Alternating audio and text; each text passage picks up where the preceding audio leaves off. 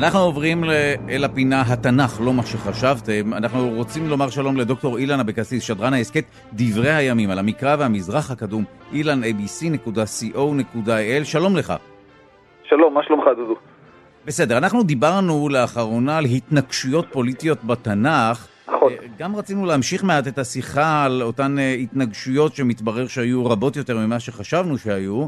וגם אם תוכל לענות על השאלה, מדוע בישראל רצחו יותר מביהודה, בהנחה שהאמירה הזו נכונה, וגם הדבר האחרון שהתייחסנו אליו, אבל לא השלמנו את השיחה לגביו, מה עשו המלכים כדי לשמור על עצמם, אם כפי שאמרת בעבר, התנגשות פוליטית הייתה במרכאות כלי עבודה. שוב, כן, לא לגיטימי, אבל כלי עבודה. עכשיו, בממלכת ישראל זה נכון שנרצחו יותר אנשים מלכים מאשר ביהודה, והסיבה היא פשוטה, כי ממלכת ישראל היא הייתה הגדולה, העשירה, החזקה, אבל הורכבה מכמה גופים, כמה שבטים, בעוד שממלכת יהודה הייתה ממלכה יחסית משפחתית של שבט אחד, שבט וחצי, שבט בנימין, ובעצם, שבעוד בממלכת ישראל הרוצחים הם כולם אנשי צבא, בממלכת יהודה לעומת זאת, הרוצחים הם מהמגזר האזרחי, ובממלכת יהודה בעצם כולם אה, קרובים של כולם, אז אני לא, אם גם אם אני רוצח את המלך, אני לא ארצח את המשפחה שלו, כי זו משפחה שלי. בממלכת ישראל יש גם רצח של המלך וגם טבח של כל בית אה, משפחת המלוכה. ואם אתה זוכר, אתמול דיברנו על, על נדב בן ירובעם ואלה בן באשה, ויש גם את זמרי שמהלך בסך הכל שבוע. יש איזה מקרה בעייתי של יורם בן אחאב, שיש איזה, פשוט מתנגש עם איזה מקור חוץ, אנחנו לא כל כך ברור מה קורה שם. ובסוף יש אי יציבות פוליטית בממלכת ישראל. יש לנו את זכריה בן ירובעם, בן ירובעם השני, ואחרי חודש הוא, נר, הוא נרצח, סליחה, אחרי חצי שנה על ידי שלום בן יבש, והוא, ושלום נרצח חודש אחרי מנחם בן, בן, גדי, והבן של מנחם נרצח על ידי פקח, וגם הוא נרצח על ידי הושע בן אלה, כלומר, אחד גדי, הכל זה בתוך איזה עשרים ומשהו שנה, ובממלכה הדרומית המצב היה הרבה יותר רגוע. יש לנו את uh, אחזיה, הבן של יורם, שגם איתו יש בעיה מאותו מקור ארכיאולוגי. אימא שלו, עתליה, שהייתה מלכה האם ולא שחררה את הכס, אז היא נרצחה, והנכד שלה גם נרצח, והבן שלו, המציע, גם נרצח, למרות שזה נמשך על פני 70 שנה, נראה לנו הרבה, אבל זה לא כל כך הרבה. ויש לנו את מנשה בן, את עמון בן מנשה, עוד מלך ביהודה שגם נרצח, אבל אנחנו יותר לא יודעים מאשר יודעים עליו.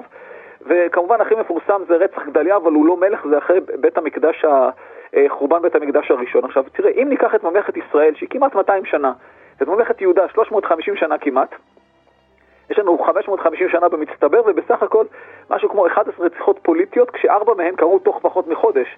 אלה בן בעשה וזמרי נרצחו בהפרש של שבוע, וזכריה ושלום נרצחו בהפרש של חודש. וגם פקח ופקחיה נרצחו תוך uh, שנים ספורות. כלומר, uh, אנחנו רואים אגב, שיש לנו פה הרבה, uh, לא כל כך הרבה רציחות פוליטיות, והשאלה היא כמובן, מה, איך המלכים התגוננו. אנחנו רואים שברוב הזמן לא היו רציחות פוליטיות, היו להם איזה, איזה מנגנון, גם בישראל וגם בעמים. המנגנון הראשון היה הלגיטימציה האלוהית, דיברנו על זה, רוצח בכוח יחשוב היטב לפני שיפגע בנציג האל, אבל עם כל הכבוד לאל היה גם משהו, אמצעים ארציים, והאמצעים זה בעצם בידוד המלך מהציבור ויצירת כושר פיזי, קושי פיזי לפגוע בו. קושי ראשון זה בעצם המפגש בין המלך לרוצח. עכשיו, בימי קדם לא כל אחד יכול היה לגשת למלך כאוות נפשו. אנחנו מכירים את הביטוי המקראי, רואה פני המלך. כלומר, רק אנשים מסוימים יכלו לראות את המלך ולשהות במחיצתו בחופשיות. הרי רוב האנשים אפילו לא ידעו איך הוא נראה בכלל. גם היום אגב, כדי שאתה, דודו, תפגוש את ראש הממשלה, אתה צריך לעבור שרשרת מחסומים ובדיקות. אתה לא יכול סתם לבוא לראש הממשלה ולתת זאת צ'פחה. יעצרו אותך הרבה לפני. עכשיו, אם אגב, אגב אתה זוכר מה נכתב במגילת אסתר כשמרדכי ביקש ממנה ללכת אל המלך, מה אמרה אסתר? ותאמר אסתר, כל עבדי המלך ועם מדינות המלך יודעים את... אשר כל איש ואישה אשר יבואו למלך אל החצר הפנימית, אשר לא ייקרא אחת את דתו להמית, לבד מאשר ראשית לו המלך את שרביט הזהב וחיה. כלומר, באימפריה הפרסית רואים את המנהג היפה הזה, אף אחד, אתה לא יכול להתפרץ על המלך סתם כי יורידו לך את הראש, אלא אם כן המלך אה, מושיט לך את שרביט הזהב. עכשיו, קושי שני אגב, זה להגיע, אם כבר הגעת אל המלך, להגיע אליו עם נשק. הלוא, אתה יודע, רק אה, צדיקים זכים וטהורים, בסדר גודל של צ'אק נוריס, יכולים להמית אדם בידיים חשופות, בטח ובטח לפני ששומרי הראש יתערבו. דודו, אתה זוכר מה סופר על השופט אהוד בן גרה במקרה? לא. שים לב, ויעש לו אהוד חרב ולה שתי, פיות, שתי, שתי פיות גומד אורכה ויחגור אותם מתחת למדיו על ירך ימינו. הוא לא יכול, אתה מבין, הוא היה צריך להחביא את, ה, את החרב, ומכיוון שהוא היה שמאלי אז החביא אותו על צד ימין ולא חיפשו על צד, וחיפשו על צד שמאל, ככה הוא, הוא הצליח להבריח את הנשק. עכשיו, אגב, אם כבר הגעת והצלחת להגיע עם הנשק, אתה לא יכול סתם להתנפל על המלך. יש לו שומרי ראש, הם מקבלים שכר בדיוק כדי למנוע מרוצחים להתנפל עליו.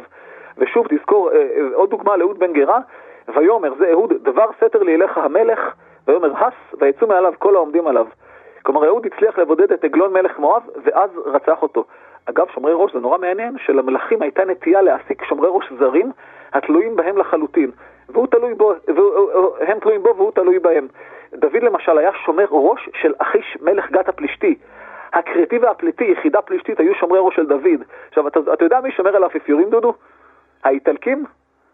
לא, השוויצרים. אתה יודע, אגב, מי שומר על עבדאללה מלך ירדן? זה הפלסטינים? לא, זה הבדואים גם לא, אלה הצ'רקסים שומרים על עבדאללה. עכשיו שים לב שכשהיה גישה למלך... למה זה כדי למנוע רציחות של אה, השומרים כביכול את המלך?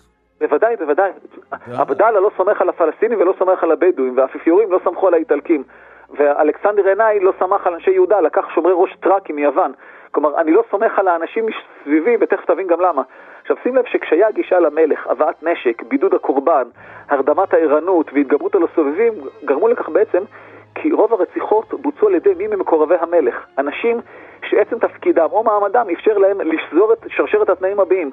גם נוכחות ליד המלך, גם להיות חמושים מבלי לעורר חשד, גם להרדים את הערנות וגם למצוא הזדמנות ולהיות ביחידות עם המלך, וברוב המקרים גם אנשים שיכולים להשיג לגיטימציה למעשיהם, כלומר מישהו ממשפחת המלוכה.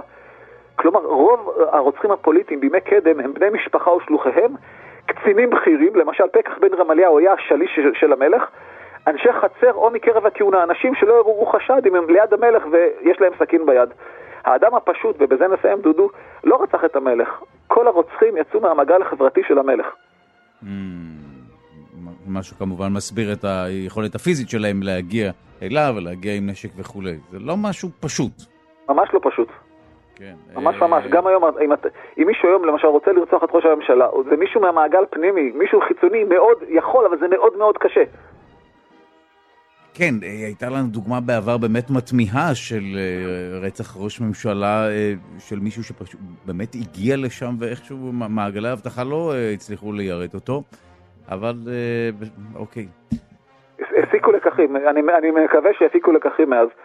כמובן. תודה רבה לך, שדרן ההסכת דברי הימים על המקרא והמזרח הקדום, דוקטור אילן אבקסיס, שדבריו נמצאים גם באתר ilanabc.co.il. תודה לך. תודה לך ולמאזינים.